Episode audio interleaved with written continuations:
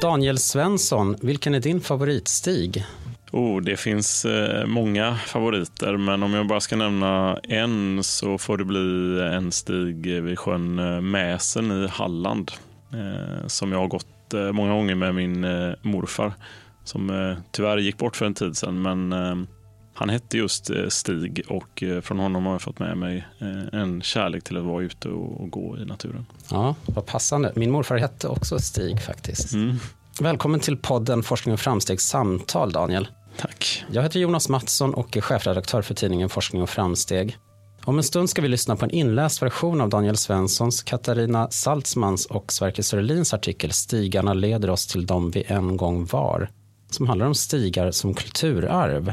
Artikeln finns även att läsa i Forskning och framsteg nummer 4 2023 och på webben fof.se. Daniel Svensson, du är historiker och biträdande lektor i idrottsvetenskap vid Malmö universitet där vi ses. Hur väcktes ditt intresse för stigar? Ja, jag har eh, varit intresserad av att vara ute och, och röra mig ehm, så länge jag kan minnas egentligen. Eh, uppvuxen på landet och varit mycket i skogen. För att leka och, senare för att plocka bär och svamp och sådär och också för att träna. Så jag har länge gillat att eh, röra mig längs eh, stigar. Och i den här artikeln så skriver du och dina kollegor om stigar som kulturarv. Ni använder ett ord rörelsearv. Vad menar ni med det här? Ja, det är ett försök att fånga det här med att våra rörelser, eh, våra historiska rörelser och våra eh, nutida rörelser också lämnar spår på olika sätt och att eh, stigar, vandringsleder och andra sådana avtryck från rörelse eh, skulle kunna betraktas som en typ av kulturarv då, ett rörelsens kulturarv. Och då tyckte vi att rörelsearv var en bra benämning på det. Ja, för ofta talar man om gamla kyrkor och andra byggnader och mer fasta strukturer som kulturarv. Mm. Eh, hur har den här idén om en rörelsens kulturarv tagits emot av andra forskare inom kulturarvsbranschen? Ja, jag tycker att det ändå verkar finnas ett eh, visst intresse och ett växande intresse för, eh, för stigar och, och vandringsleder och det här med rörelsearv. Och att man, eh, om man tittar på kulturarvet eh, historiskt så har det också genomgått en utveckling och en, en utvidgning eh, från just det här som du nämner med, med kyrkor och slott och det här väldigt här, enskilda, speciella till att också innefatta bredare befolkningens spår och lämningar och, och kultur. Ehm, så industrins kulturarv och andra utvidgningar som eh, allmogens eh, kulturarv och, och sådär. Och sen kan det här kanske vara ytterligare eh, en sån utvidgning då där man inkorporerar rörelsen och vandringens, friluftslivets, idrottens avtryck. Mm. Ni talar om ett immateriellt kulturarv då i motsats till materiellt. Ja, precis. Eh, man brukar ju kategorisera så ofta inom kulturarvsforskningen. I alla fall har man gjort så eh, historiskt sett. Och eh, en sak som är intressant med stigar är att det är både immateriellt och materiellt kulturarv. Eh, alltså det finns ju ett materiellt avtryck på marken. Ja, det är ju väldigt materiellt. Mm. Det ser man ju om man går ut i skogen. Ja, precis. Eh, och samtidigt finns den här immateriella dimensionen då med alla berättelser, alla minnen, all historia, eh, musik, poesi, litteratur, konst som knyter an till stigarna och och som ger stigarna en annan tyngd, eh, en annan eh, kraft som, eh, som människor kan relatera till. Mm. Ja, ni nämner en av mina favoritpoeter i er artikel, Dan Andersson. Ja, även en av mina favoritpoeter.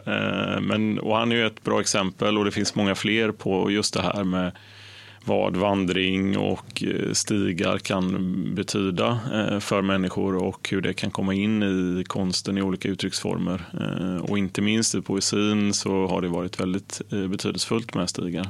Det finns en del begrepp som ni tar upp i den här texten. Ett annat är diskret infrastruktur.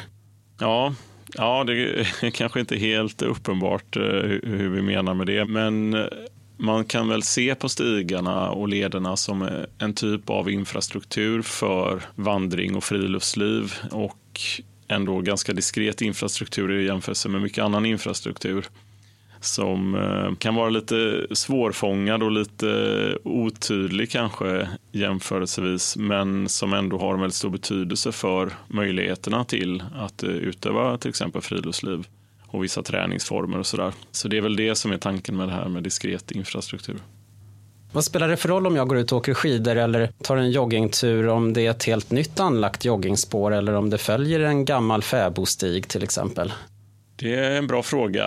Det spelar kanske ingen som helst roll för många eh, användare av, av den här stigen eller leden. Eh, medan för en del andra kan det eh, spela en större roll och, och ge ett annat eh, värde om det finns en, en längre historisk bakgrund och att man får möjlighet att ta del av den och känna till den. Vi har väl försökt att göra någon typ av distinktion mellan stigar och, leder och både stigar och leder kan ha en, en längre eller kortare historia. Ehm, men stigar så att säga uppkommer eh, från att människor rör sig och leder kan vara lite mer av ett verktyg för att få människor att röra sig. Och då är till exempel motionsspår ett bra exempel på hur man ville få människor att träna och röra på sig och pulshöjande så kallad rationell träning då från 60-talet och framåt. Medan stigar kanske uppstår lite mer organiskt av att människor är ute och rör sig på vissa platser. Ja, för den större frågan är ju varför ska vi vårda stigarnas kulturarv? Ja, det finns många argument för det, men eh, ett är ju att vandring och stigar skulle kunna bidra på många sätt till flera av de eh, globala målen för hållbar utveckling, eh, inte minst kopplat till eh, välbefinnande och, och hälsa. Och att den här historiska dimensionen då kan vara ett sätt att Eh, lyfta stigarnas värde också och peka på att det finns en lång historisk bakgrund och tradition av att röra sig på den här platsen. Det kan bidra till, eh, om man tar det här kulturarvsperspektivet då, så kan ju en kulturarvsstatus eh, göra att skyddet för stigarna blir lite starkare och att man kan värna stigar som hotas av andra typer av exploateringar och sådär. Men eh, vad är det som behöver göras för att arbeta med stigarna som ett kulturarv? Vad, är det bara att vi som privatpersoner ska se till att vi går på dem eller vad kan samhället göra? Och vad kan vi göra som privatpersoner? Ja, om vi börjar med vad samhället kan göra och, och myndigheter och organisationer och så kan göra så handlar det väl om att lyfta stigar i, i det här eh, perspektivet då som kulturarv och eh, att också försöka förmedla kunskap om hur stigar historiskt sett har varit väldigt betydelsefulla, inte minst här på våra breddgrader där stigar ju ganska långt fram i tiden, på en del platser i alla fall, var enda sättet egentligen att ta sig fram. Och eh, sen kan det också handla om att man ska tillföra resurser för att uppmärksamma stigarnas historia på olika sätt. Eh, det görs ju mycket sånt redan idag av olika aktörer, alltifrån eh, ja, men, Riksantikvarieämbetet och Naturvårdsverket och länsstyrelser och ner på enskilda privata initiativ och hembygdsföreningar och sånt där. Men att man liksom uppvärderar på olika sätt stigarnas historiska dimension och också använder dem då som ett sätt att förmedla för de kan också förmedla mycket kring vår historia och eh, nästan alla har någon typ av relation till stigar och, och vandring det är så utbrett och så alldagligt på något sätt så att eh, det kanske därför inte uppmärksammats så mycket. Det är någonting som vi tar för givet. Det är mycket diskussion om skogsbruket i Sverige just nu. Vi ska inte fördjupa oss i konfliktlinjerna där riktigt nu, men vad händer med de här stigarna vid till exempel kalhyggen eller andra former av skogsbruk och vilken roll har skogsindustrin i det hela? Ja, en viktig roll, eh, absolut. Eh, det finns ju uppenbara spänningar som man kan se framför sig där med olika intressen som vägs mot varandra och så. Samtidigt som skogsindustrin också historiskt sett har varit med och gett upphov till många av de eh, stigar och leder som fortfarande är i bruk. En delvis annan typ av skogsbruk om man går längre tillbaka historiskt. Men, men fortsatt så att många av de här skogsvägarna och, och eh, lederna och så har en koppling till andra verksamheter som till exempel skogsindustrin. Så att eh, det är ju inte bara friluftslivet som ligger bakom det nätverk av stigar och leder som finns utan det är mycket friluftsliv men också en rad andra aktiviteter som vi varit inne på. Träning, vardagsbruk, liksom hundpromenader och annat. Bärplockning, svampplockning men också då skogsbruk, eh, besöksnäring och en massa andra aktiviteter. det handlar väl om att hitta en, en samsyn eller åtminstone någon typ av eh, samexistens som fungerar och, eh, och där stigarna inte så att säga, råkar svepas bort av det storskaliga skogsbruket utan att det finns tydliga ramar för hur de ska bevaras i de fall där de ska bevaras. Då ni som har skrivit den här artikeln, det, du är idrottshistoriker, Katarina Saltzman är etnolog vid Göteborgs universitet och Sverker Sörlin är idé och miljöhistoriker vid KTH i Stockholm. Hur har ert samarbete sett ut och vad har ni bidragit med från respektive fält? Ja, vi har jobbat väldigt nära tillsammans i den här gruppen så det kan vara lite svårt att urskilja exakt så vilka perspektiv som kommer från, från vilken forskare. Men eh, vi har ju tagit med kunskaper från våra respektive fält så att jag och eh, Sverker kommer ju in från det historiska hållet eh, tydligt. Sverker med utgångspunkt i friluftsliv och eh, miljö. Jag kanske något mer då från eh, det här med träning och idrott och, och friluftsliv. Och sen eh, Katarina kommer ju från etnologin då och eh, är också expert inom kulturarvsforskning och kulturarvspraktiker och varför och hur som vissa saker och företeelser blir kulturarv. Så jag har haft en, en, en bra dynamik där i forskningsgruppen. Vad forskar du om just nu? Ja, delvis på samma tema så är jag med i ett större forskningsprogram, Mistra Sport and Outdoors, som handlar om hållbarhetsutmaningar inom idrott och friluftsliv i Sverige. Så där eh, är jag med i ett delprojekt som handlar om kunskap och omvandling där vi i viss mån också använder historiska perspektiv. Och sen har jag ett eh, pågående projekt också eh, med stöd av Centrum för idrottsforskning som handlar om svenska skidgymnasier och hur man har tränat där och hur den träningen har förändrats över tid.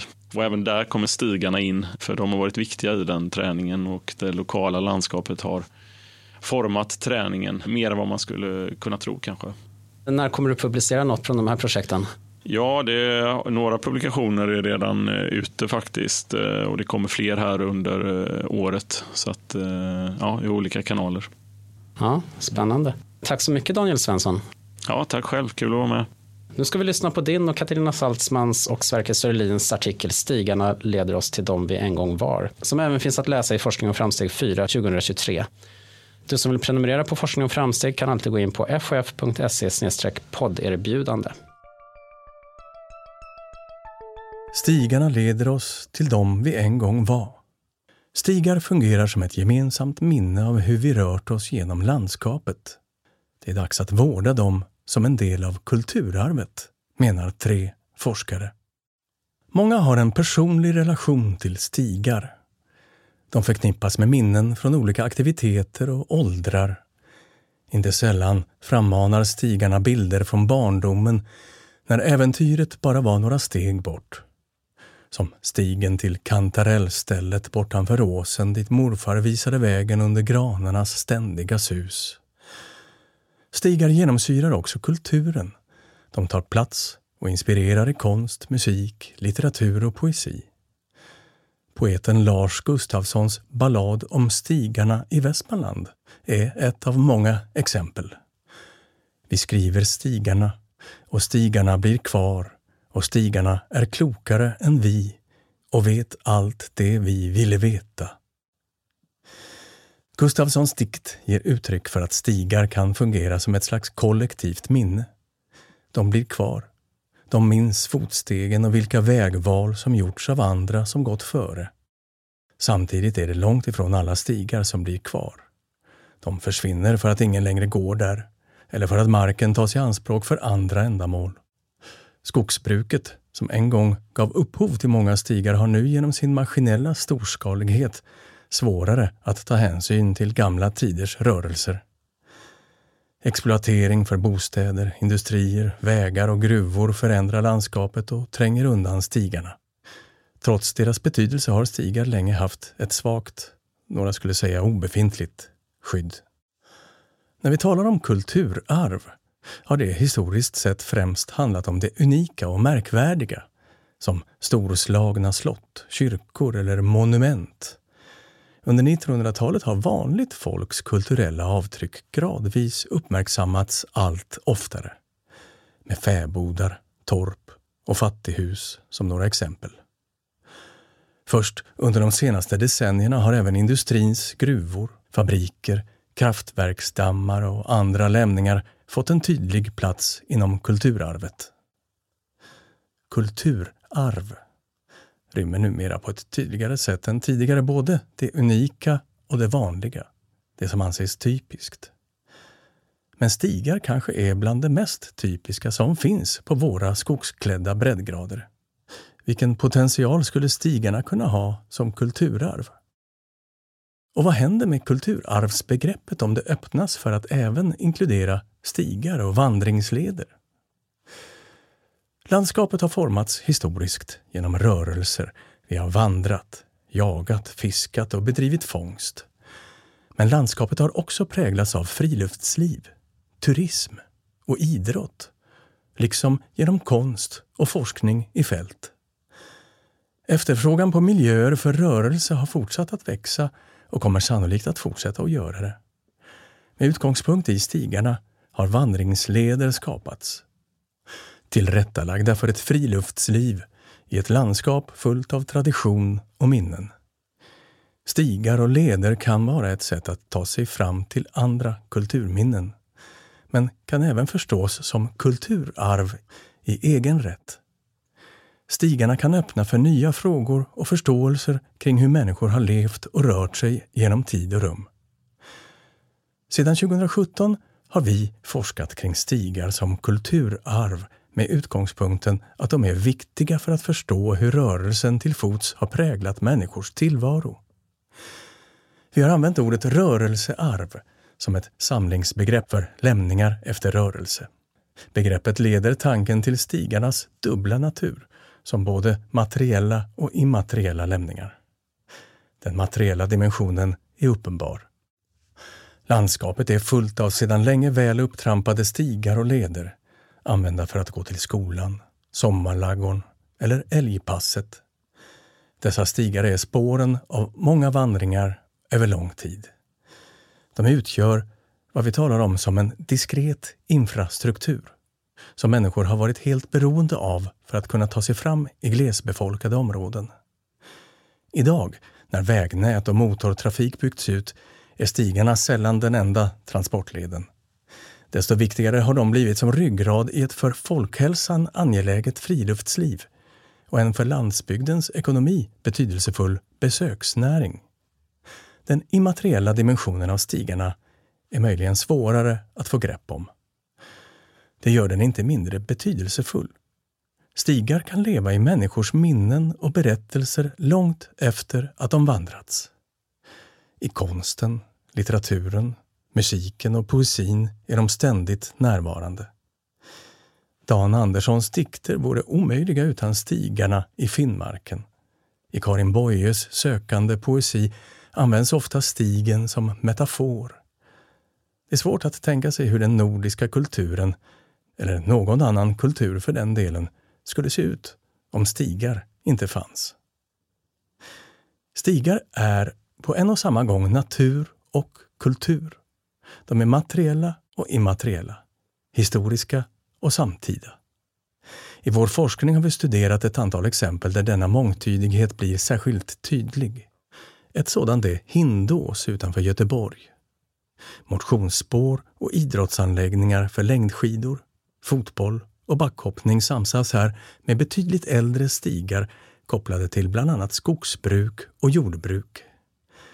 I landskapet knyts bygdens äldre historia samman med 1900-talets järnvägsetablering och framväxten av ett omfattande idrotts och friluftsliv.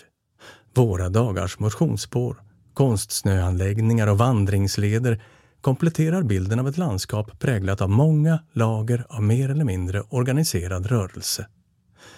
Stigarna rymmer dem alla. I Västergötland, några mil från Hindås, ligger Hyssna där lokala krafter har lagt ner mycket arbete på att etablera den 40 kilometer långa Hyssnaleden. Denna led utgör ett fint exempel på hur det vi kallar rörelsearvet kan användas för att förstå ett områdes kulturhistoria och vad rörelse har betytt för att forma landskap och identitet. Längs Hyssnaleden lyfts historia från många olika epoker. Leden och de stigar som den bygger på knyter samman enskilda platser och bidrar till en fördjupad förståelse av hur människor i bygden har levt och verkat. Hyssna gamla kyrka från 1100-talet är ett exempel. Kyrkan faller inom ramen för ett mer klassiskt kulturarvsbegrepp men byggnaden hänger också samman med rörelse genom de stigar som lokalbefolkningen trampat för att ta sig till och från gudstjänsterna. Ett annat exempel är Finnskogen i Värmland och norska Hedmark. Här var stigarna den viktigaste förutsättningen för rörelse i väglöst land för de invandrare från nuvarande Finland som i början på 1500-talet bosatte sig i områdets skogsbygder. Stigar behövdes för svedjebruk, boskapsskötsel, jakt och många andra delar av den skogsfinska vardagen. Det var stigarna som knöt samman de glest utspridda finngårdarna och de bar inte endast människor och djur. De bar också berättelser, seder och kunskaper. Många av stigarna i Finnskogen är fortfarande i bruk. En del används fortsatt för jakt, fiske, svamp och bärplockning medan andra har fått förnyad aktualitet inom turismen, friluftslivet och träningen. Forskningen om stigar och leder visar att de kan spela en viktig roll för att förstå ett områdes historia. I några av de fall vi har studerat har stigarna blivit något för lokalsamhället att samlas kring. Ett sätt att tillgängliggöra historien och bidra till lokal identitet. Vissa stigar och leder, som Kungsleden och Vasaloppsleden, har en än större roll och uppmärksammas såväl nationellt som internationellt. Vasaloppet kallar leden och området runt den för Vasaloppsarenan. En arena skapad av naturen själv, tillgänglig och vacker, inramad av små fäbodbyar och glesvuxna tallskogar, korsad av grusvägar och upptrampade stigar där generationer av ortsbor har tagit sig fram mellan byarna. Under pandemin blev den fortsatta vikten av att ha tillgång till stigar för rörelse och rekreation uppenbar. Människor har ett behov av att röra sig och söker platser för både stillhet och samvaro. Stigarna är en manifestation av detta behov. De förenar oss på samma gång med de som gått före och med de som ska komma efter. I detta ligger även en hållbarhetsdimension. Stigar är ett exempel på hur landskap kan brukas varsamt under lång tid med endast mycket små fysiska avtryck. På det viset pekar stigarna bortom förenklade uppdelningar mellan natur och kultur mot ett mer dynamiskt sätt att förhålla sig till vår livsmiljö. Vad ska vi då göra med stigarnas kulturarv? Att stigar uppkommer och försvinner är en del av tidens gång. Ändrade levnadsmönster och sociala och teknologiska förutsättningar gör att vissa stigar inte längre trampas. Alla kan givetvis inte bevaras men utan stigarna som markörer riskerar vi att tappa viktiga delar av vår historia. Fler stigar skulle behöva dokumenteras. Deras historia skulle kunna lyftas fram mer genom kartor och skyltning. Det skulle bidra till en ökad förståelse för att stigar är en viktig resurs som inte får glömmas bort i relation till andra intressen. Den stig vi nu trampar upp blir något som kommande generationer kan komma att följa. Om författarna.